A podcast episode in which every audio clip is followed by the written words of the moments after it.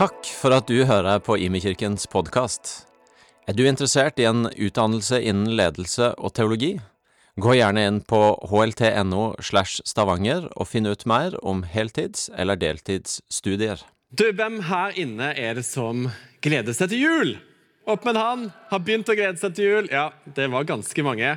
Hvem her inne er det som gjennom året nærmest går med en sånn underliggende sånn juleforventning? Opp med hånd. Ja, Det var noen, ikke så mange, men uh, mer her framme. Bra. Hvem er det som kjenner at vet du når de dekorerer butikker og alt sånne ting allerede i oktober, så er det altfor tidlig med tanke på jul? Opp med en hånd. Ja, Det var ganske mange. Ja, så der. Greit å se hvor landet ligger. Um, hvem er det som bevisst holder seg unna juletradisjoner og den slags fram til ca. rundt 1. desember? Opp med en hånd. Ja, Det var noen veldig raske hender, men ikke kjempemange. Ja. Ja, jul engasjerer. Og Denne høytiden den står jo sterkt hos oss i Norge, eh, og har gjort det lenge. Hvorfor snakker jeg om jul allerede nå, når vi bare kommer til slutten av oktober? Vi skal se på en bibeltekst som kommer rett før det kjente juleevangeliet i Lukasevangeliet kapittel 2. Det vil si, altså I Lukas 1 skal vi være i dag. Og Vi skal plukke opp tråden på Lukas 2 senere når vi kommer til adventstida. Så hold your horses, gled dere til det. Men vi skal fortsette altså å være i Lukas 1 i dag, sånn som vi har vært i noen uker nå i Imekirka. Og Lukas han undersøkte mange av de eldste fortellingene fra de som var øyenvitner til Jesu liv. Og Så skrev han dette, sammenfatta det og skrev det ned i denne boka som vi kaller for Lukasevangeliet. Og nå, i den teksten som vi skal være i nå, så befinner vi oss i Jerusalem, nærmere bestemt tempelet, der hvor prestene styrer. Eh, og En av disse prestene det er Zakaria. Og Han eh, arbeida i tempelet. Og Så var det kommet til en viktig del av eh, ritualene her, hvor en av prestene skal inn i et avgrensa del av tempelet for å ofre røkelse. Og Den måten de finner ut av hvem av prestene som skal gjøre det på, det er hold dere fast, ved loddtrekning. Så da, De tar loddtrekning, og loddet faller da på Zakaria. Han får gå inn og gjøre det. Og det er en viktig begivenhet. Folk, det står at folk står utenfor og ber samtidig som Zakaria, som den utvalgte, går inn og gjør dette ritualet. Så tar det så lang tid. Han er der så lenge. Og folk begynner å lure på hva er det som skjer for noe her inne. da? Hva er det som foregår her inne? Og når først Zakaria kommer ut fra tempelet og møter folket, så har han ingen ord. Han kan ikke snakke lenger. Hva er det som har skjedd for noe her? I tempelet så hadde Zakaria fått besøk av en Guds engel. Og Zakaria ble jo naturlig nok helt vettskremt av dette, her, for engelen begynte å snakke med han, og han kunne snakke tilbake. Og engelen forteller at han og kona, altså Zakaria og kona, de skal få barn. De skal få en sønn som de skal kalle for Johannes. Det betyr Gud er nådig.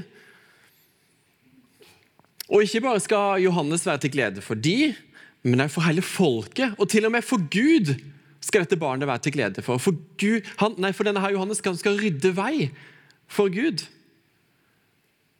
Og vende fedrenes hjerte til barna, hadde engelen sagt. Vende fedrenes hjerte til barna. Litt sånn time-out her.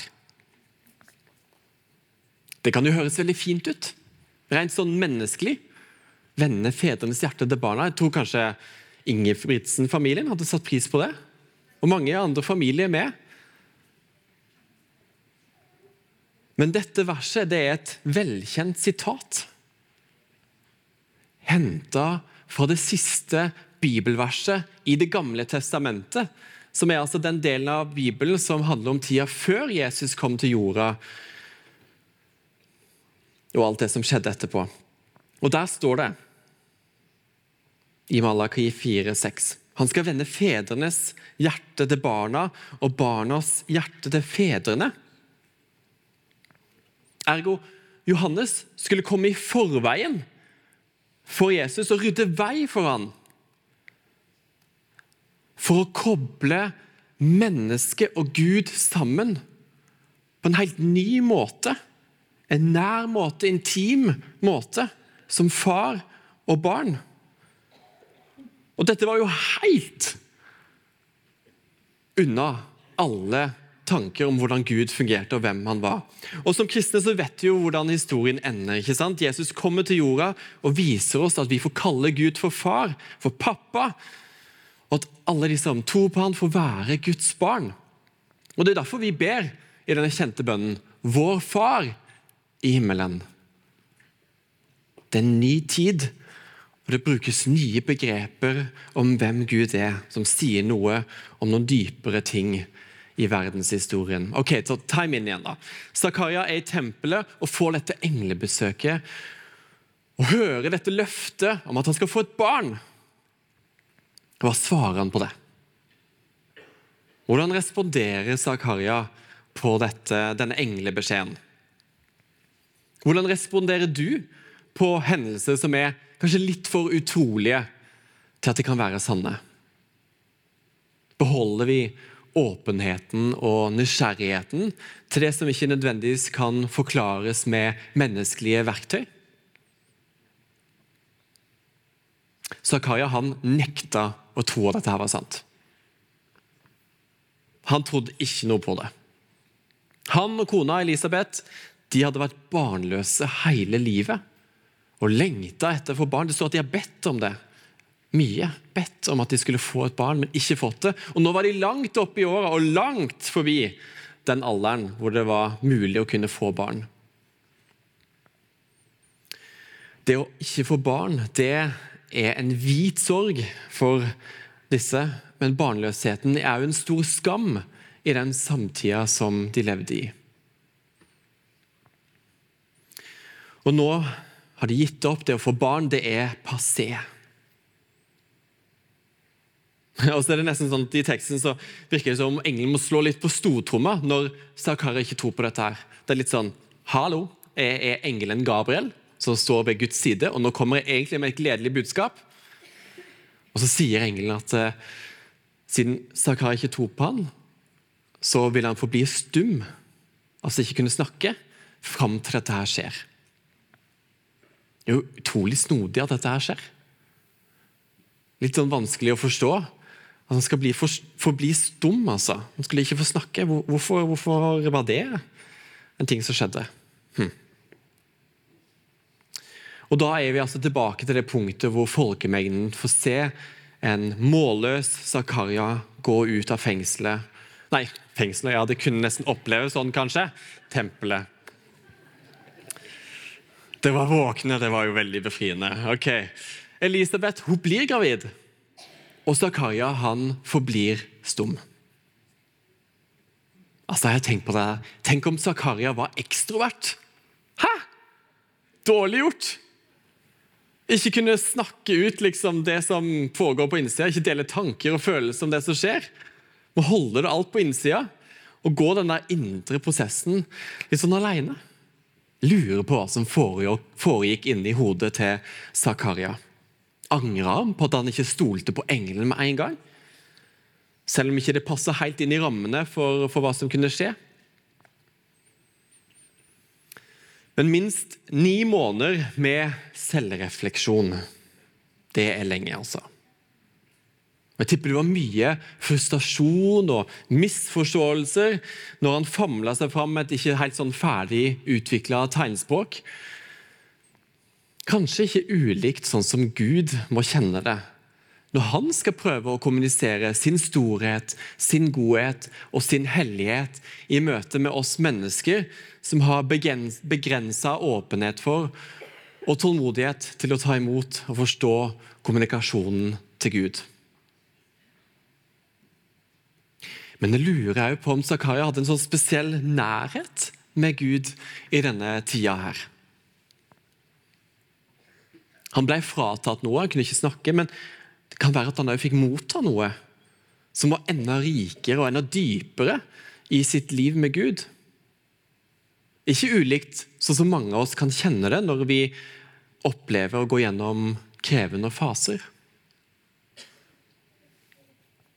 Denne uka så hørte jeg en annen pastor her i, i Norge som eh, delte at eh, eh, Eller fortalte om sin fire år gamle sønn som allerede har rukket å få en enorm lengde på legejournalen sin. Og Sykdomsbildet var ganske komplisert, både fysisk og psykisk. Og Hans egne ord var at han merka at farshjertet har blitt vekka på en annen måte i møte med yngstesønnen sin. Jeg elsker alle barna like høyt, sa han. Han hadde to andre barn. Jeg elsker alle barna like høyt, Men det var som empatien ble vekka i han på en måte som, som skjedde fordi han så smerten hos sønnen sin. Og så sa han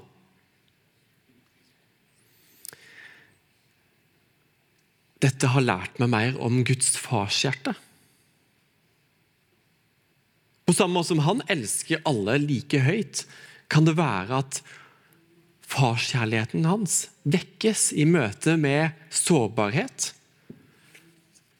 Hvis det var liksom sånn vakkert eh, sagt, og er ganske sånn gjenkjennelig for min egen del. Jeg har hatt noen vonde og mørke faser i mitt liv. Og jeg er fullt overbevist om at Guds farshjerte var ekstra våkent overfor meg. Ok, tilbake til teksten. Ventetida er over. Ikke bare for Elisabeth og Zakaria. De får dette barnet som de har lengta etter, men ventetiden med stor V er over. For hele folket. For hele verden. Både for de som aktivt har venta og lengta etter det, og de som ikke visste at de hadde lengta og venta etter det. Gud er i ferd med å gjøre noe helt nytt noe stort. Og Israelsfolket, som Zakaria og Elisabeth var en del av, de levde under trange kår på denne tida. De eh, hadde hatt et løfte om et land som de skulle få å bo i, som var utrolig flott, men så gjorde de mot Guds vilje. De tok dårlige valg, og de endte opp i fangenskap, måtte flykte fra dette landet. Eh, og nå levde de under, etter hvert de kom tilbake og levde under undertrykkelse av Romerriket, av romerne. Og de lengta etter å bli satt fri. Og Da er det lett å tenke at Gud har glemt det, at Gud har glemt oss. Men sånn er ikke Gud. Han gir oss ikke opp.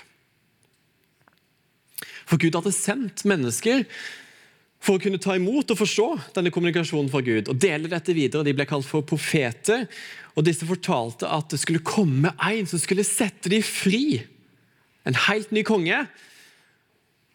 Og det skulle komme en i forveien for denne kongen og rydde vei for dette, som da ble kalt Johannes, som vi nå får høre om han som kom før Jesus. Og På den åttende dagen så følger da Elisabeth og Zakaria den jødiske skikken med at barnet skal få navn. og De finner ut av, ja, snakker om hva skal vi kalle dette barnet. da? Så er det noen som foreslår hva med Zakaria, da, dere? Hadde ikke det vært fint? Oppkalling etter faren. Trygt og godt og enkelt. Kanskje de syns litt synd på faren som var stum og oppi åra? Eller var det en del av skikken på den tida? Uansett, Zakaria han rister sikkert på hodet. Han har funnet fram til noen eh, kommunikasjonsmetoder i, i sin stumme tilværelse og finner fram en tavle og skriver på tavla. Tipper de andre så spent med. Og Så snur han tavla, og der kan de lese hans navn er Johannes. Gud er nådig. Og i det samme dette skjer. I det samme han snur den tavla, så blir munnen hans åpna, og han begynner å lovprise Gud. Denne mannen som har vært stum i minst, minst ni måneder. Og Vi kan lese fra teksten i dag, Lukas 1, vers 68. Velsignet er Herren Israels Gud, for han har sett til sitt folk og forløst det. Han har oppreist for oss et horn til frelse i sin tjener Davids hus, slik han lover fra gammel tid ved munnen til sine hellige profeter, og frelse oss fra våre fiender og fra hånden til alle dem som hater oss. Han viste miskunn mot våre fedre og huska på sin hellige pakt, den ed han ga som løfte til Abraham, vår far. Så vi, frelst fra fiendehånd og uten redsel, kan tjene ham for hans ansikt, i renhet og rettferd til alle våre dager. Og du, barn, skal kalles profet for den høyeste, for du skal gå fram foran Herren og rydde hans veier, og gi hans folk å kjenne frelsen når deres synder blir tilgitt. For vår Gud er rik på miskunn.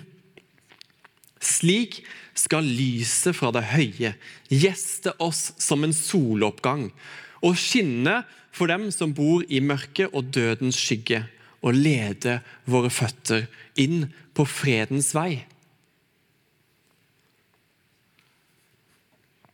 Jeg lurer på om Zakaria gikk og brygga på denne lovprisningen på innsida denne tida her. Og at endelig fikk det et utløp. En tilbedelse av Gud og hvem han var og hva han gjør. Er ganske vakkert, og det er poetisk språk. Men det er jo stykkevis og delt, sånn som det ofte er når vi mennesker prøver å romme Guds storhet. Vi har kun våre menneskelige rammer å gjøre det i, og de kommer alltid til kort. Gud er alltid større. Og Siden vi har liksom invitert en skole med på å gjøre denne gudstjenesten, så tenkte jeg kunne ta med sånn matematikksymbol her. sant? Dette krokodillebegrepet. I lignelser, sant? Uansett hva du putter på den andre sida av lignelsen, Gud er alltid større. Men likevel så tar Gud selvfølgelig imot det vi gir. Og Kanskje trodde Zakaria fortsatt at denne kongen for jødefolket først og fremst skulle befri dem fra romerne og kong Herodes. Men egentlig så var det noe mye større, noe mye dypere, noe langt mer varig, ja, til og med evig. Og det gikk langt forbi det jødiske folket, helt til verdens ende, ja, til og med Norge og nordmenn inkludert. Og han er inne på det i vers 76. Se på dette her. Gi hans folk å kjenne frelsen altså denne friheten som det snakkes om, når deres synder blir tilgitt. For vår Gud er rik på miskunn. I Ime-kirka har vi satt av to år til å ha et stand, litt sånn spesielt fokus, som vi kaller for Re-Jesus. Fordi vi ønsker å se på Jesus, se hvem han var, og la det forme livet vårt. Vi skal snakke om forskjellige ting gjennom disse to åra. Vi har annet laga en, en podkast som heter Re-Jesus. og I et, en av disse episodene så intervjua jeg Marie Celine Lundeby, som delte noe om dette her med å leve perfekte liv. Hør på dette her. Tror vi kan gjøre alt 100 og så kan vi ikke det. Og så tror jeg den lengselen vår etter det perfekte egentlig er noe fra skapelsen av. da. At vi gjerne vil oppnå det perfekte og det fullkomne, og så når vi gjør det til en sånn prestasjonsgreie, så blir vi så skuffa, og da blir vi jo slitne, for vi oppnår det ikke. Men så tror jeg jo egentlig det er med på å peke oss i retning av den perfekte.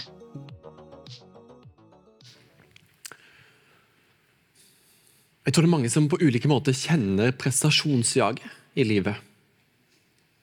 Enten man er ungdom eller godt eldre. Og ingen med noe form for selvinnsikt kan unngå møter med utilstrekkeligheten. Ærligheten vil avsløre at vi ikke alltid makter å gjøre det som er godt og rett. Selvutvikling det kan lære oss noe, kanskje lede oss noe stykke på veien, som, som, kan være fint, men det er ikke løsningen. Løsningen er, den er hos Gud. Det å være bevisst at vi gjør feil, erkjenne utilstrekkeligheten i møte med Gud, at vi tar gale valg, vi synder om du vil, vi, vi gjør mot Guds vilje. Men ikke bare det. Au tro. Tørre å tro og ta imot tilgivelsen fra Han som setter oss helt fri fra skyld og skam og anger. Det har blitt litt sånn populært blant eh, kjendiser og andre å, snakke om at man ikke angrer på noe i livet. Det er ingenting jeg angrer på i livet.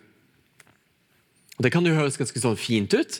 Man tar liksom eierskap over egen historie og den, den delen av livet som har passert. Men det er jo òg utrolig uansvarlig. Dersom man mener at det er ingenting man angrer på i livet, eller skulle ønske man hadde gjort annerledes, så betyr det jo at man ikke tar ansvar for det som man har gjort vondt mot andre på ulike måter. Det som man har skapt vondt i andre mennesker.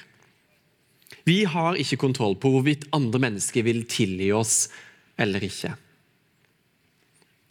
Men Gud sendte sin sønn Jesus til jorda for å dø på korset sammen med all vår synd og utilstrekkelighet. Og Det gjør at vi kan bli tilgitt fra et sted utenfor oss sjøl, et sted som ikke endrer seg ut ifra dagsformen, men som alltid vil peke tilbake på korset og si at der døde ikke bare Jesus, men der døde òg din synd. Det er det som er passé nå. Og han fjerna avstanden mellom Gud og oss. Det var han som tok ansvar for det og gjorde det. Og denne tilgivelsen, denne nåden, den er Gud rik på. Så vi dette verset. Han er rik på det. Han har mer enn nok på det av det. Og hvis det var en kamp mellom all vår synd og Guds tilgivelse, de kjempa mot hverandre, så hadde Gud vunnet. Vi kan ikke outsmart Gud, men vi kan jo heller ikke outsin Gud.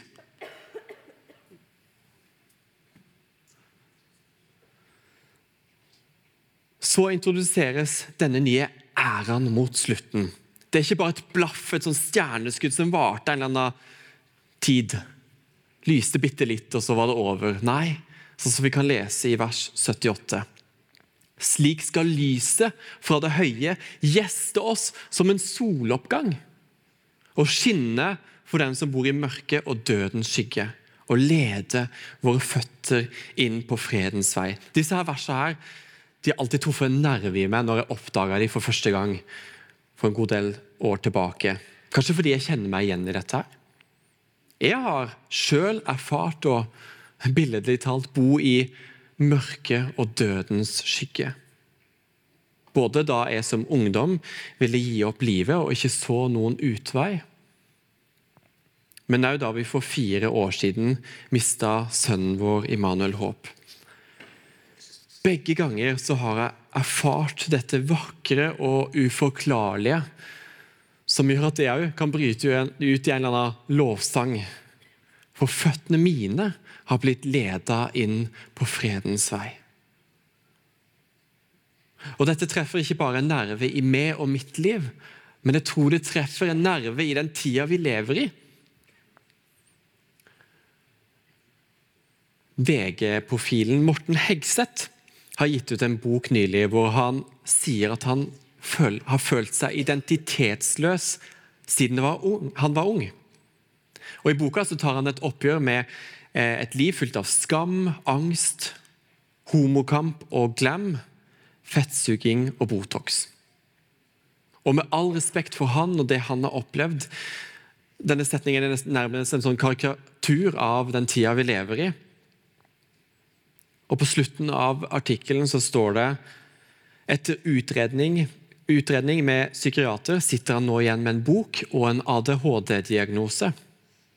Har du fått litt mer ro i kroppen nå? spør journalisten. Morten svarer svaret er ja, men òg en erkjennelse på at man aldri helt faller til ro. Og det er òg greit. En erkjennelse av at man aldri faller til ro. Jeg tror det er lett å havne der for mange. At man tar til takke med status quo. Kanskje en sånn type overlevelsesmekanisme. Men så er det egentlig en Gud som lengter etter å lede føttene våre inn og lenger inn på fredens vei. Er det ikke det vi egentlig alle lengter etter? På kort tid så har det blitt eh, krig på kontinentet. Eh, på kort tid så har, det, har krig blitt en realitet på kontinentet vårt og eh, i den vestlige verden. Og En del av de som er eldre, har kanskje erfart dette før, men for mange yngre så er dette her ganske nytt. Og Den faktiske krigen som vi hører om på nyhetene, den er brutal og nådeløs. Og selv om den på en måte har kommet nærmere, så er det likevel ganske fjernt for mange av oss. Men mange kan likevel relatere til den krigen som foregår inni oss. Som vi har kjempa eller kjemper i livet akkurat nå. Det kan være tankekjør, det kan være stress, vonde opplevelser, utenforskap, tapserfaringer, smerte og sykdom, lengsler som ikke blir møtt, osv. Lista er lang. Og det er mange her inne som lever tapre liv. Da er invitasjonen, enten man tror på Gud eller ikke helt vet hva man tror på ennå, til å ta imot det Gud vil rekke oss. Når vi leser bibelteksten i dag, så er det i presens. Det skjer nå, her og nå. Men vi kan òg nå lese den i preteritum, at dette har skjedd. Dette er fortida, det har skjedd. Teksten viser oss hvem Gud er, og hvorfor Jesus kom. Farshjertet i han er vekka i møte med oss og i møte med du, og farshjertet hans er vendt mot deg for å lede deg inn på fredens vei. Vil du vende deg mot han og ta imot det han rekker deg? Hvordan gjør vi det? Kanskje gjennom en enkel bønn vi sier til Gud? Jeg vil ha mer av din fred i mitt liv. Eller på din måte. Det trenger ikke være, et spesielt språk eller spesielle, spesielle ord. Bare et helt ærlig, en ærlig setning fra hjertet ditt. På hver gudstjeneste så har vi mulighet til å gå til forbønn så noen andre kan be for deg. Kanskje det er en mulighet for å ta dette på alvor. Samtale med noen rundt deg om dette med tro eller oppsøke Guds sannheter gjennom bøker, Bibelen, podkast og andre ting. Eller konkret ta valg, som, ta valg i livet som ligner på Jesus. Mer og mer vil vi da oppleve, erfare, at våre føtter ledes inn på fredens vei. Og den får ta plass i dypet av våre liv. Men så står det ikke bare i den teksten her at, eh, at Gud vil lede dine føtter inn på fredens vei. Det står jo flertall. Det gjelder manges liv. Guds farshjerte er vekka i han, òg i møte med andre mennesker rundt det. Han vil òg lede andres føtter inn på fredens vei. Og Som Johannes så kan vi være med å rydde vei for Gud.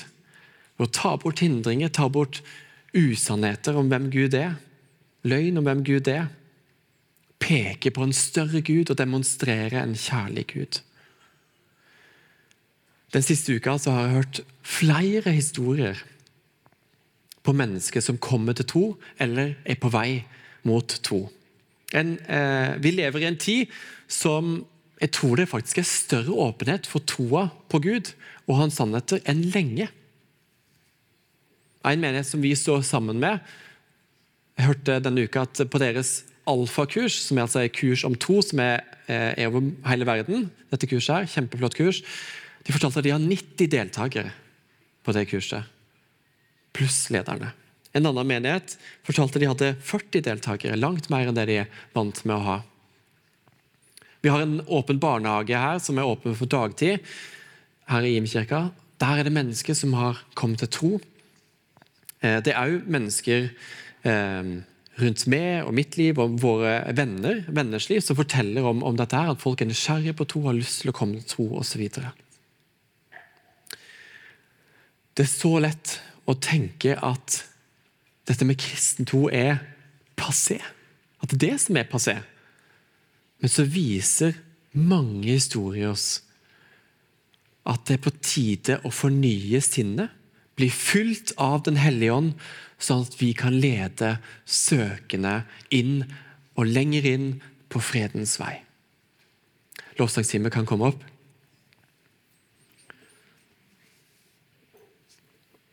Og så skal vi Lovsangsteamet er fra Impuls, denne ungdomskonferansen som vi har her hvert eh, år i januar. Og De skriver stadig vekk nye sanger, det holder de på med nå òg, og skal gi ut flere sanger i januar. Så gleder dere til det. Og i dag så kommer det litt sånn eh, premiere på en av sangene som de har skrevet. Den skal de synge over oss nå. Vi kan gjerne være med og delta. med å, Teksten kommer på skjerm, vi kan være med og synge hvis vi har lyst til det, men det er en bønn som du kan også være, med, være med i. Og Før vi, vi kan spille litt i bakgrunnen her, så skal jeg be en bønn, og så kan vi bare bli sittende der hvor vi sitter under denne neste sangen.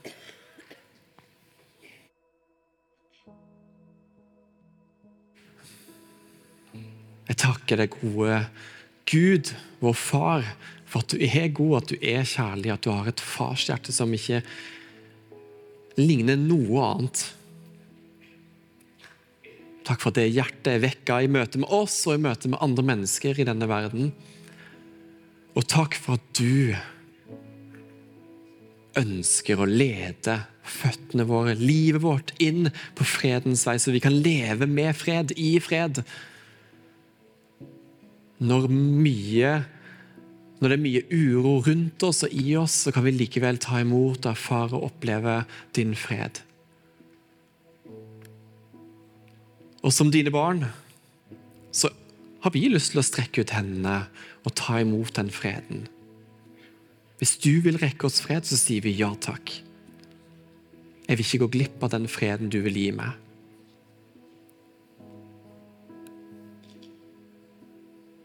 Vi trenger din fred.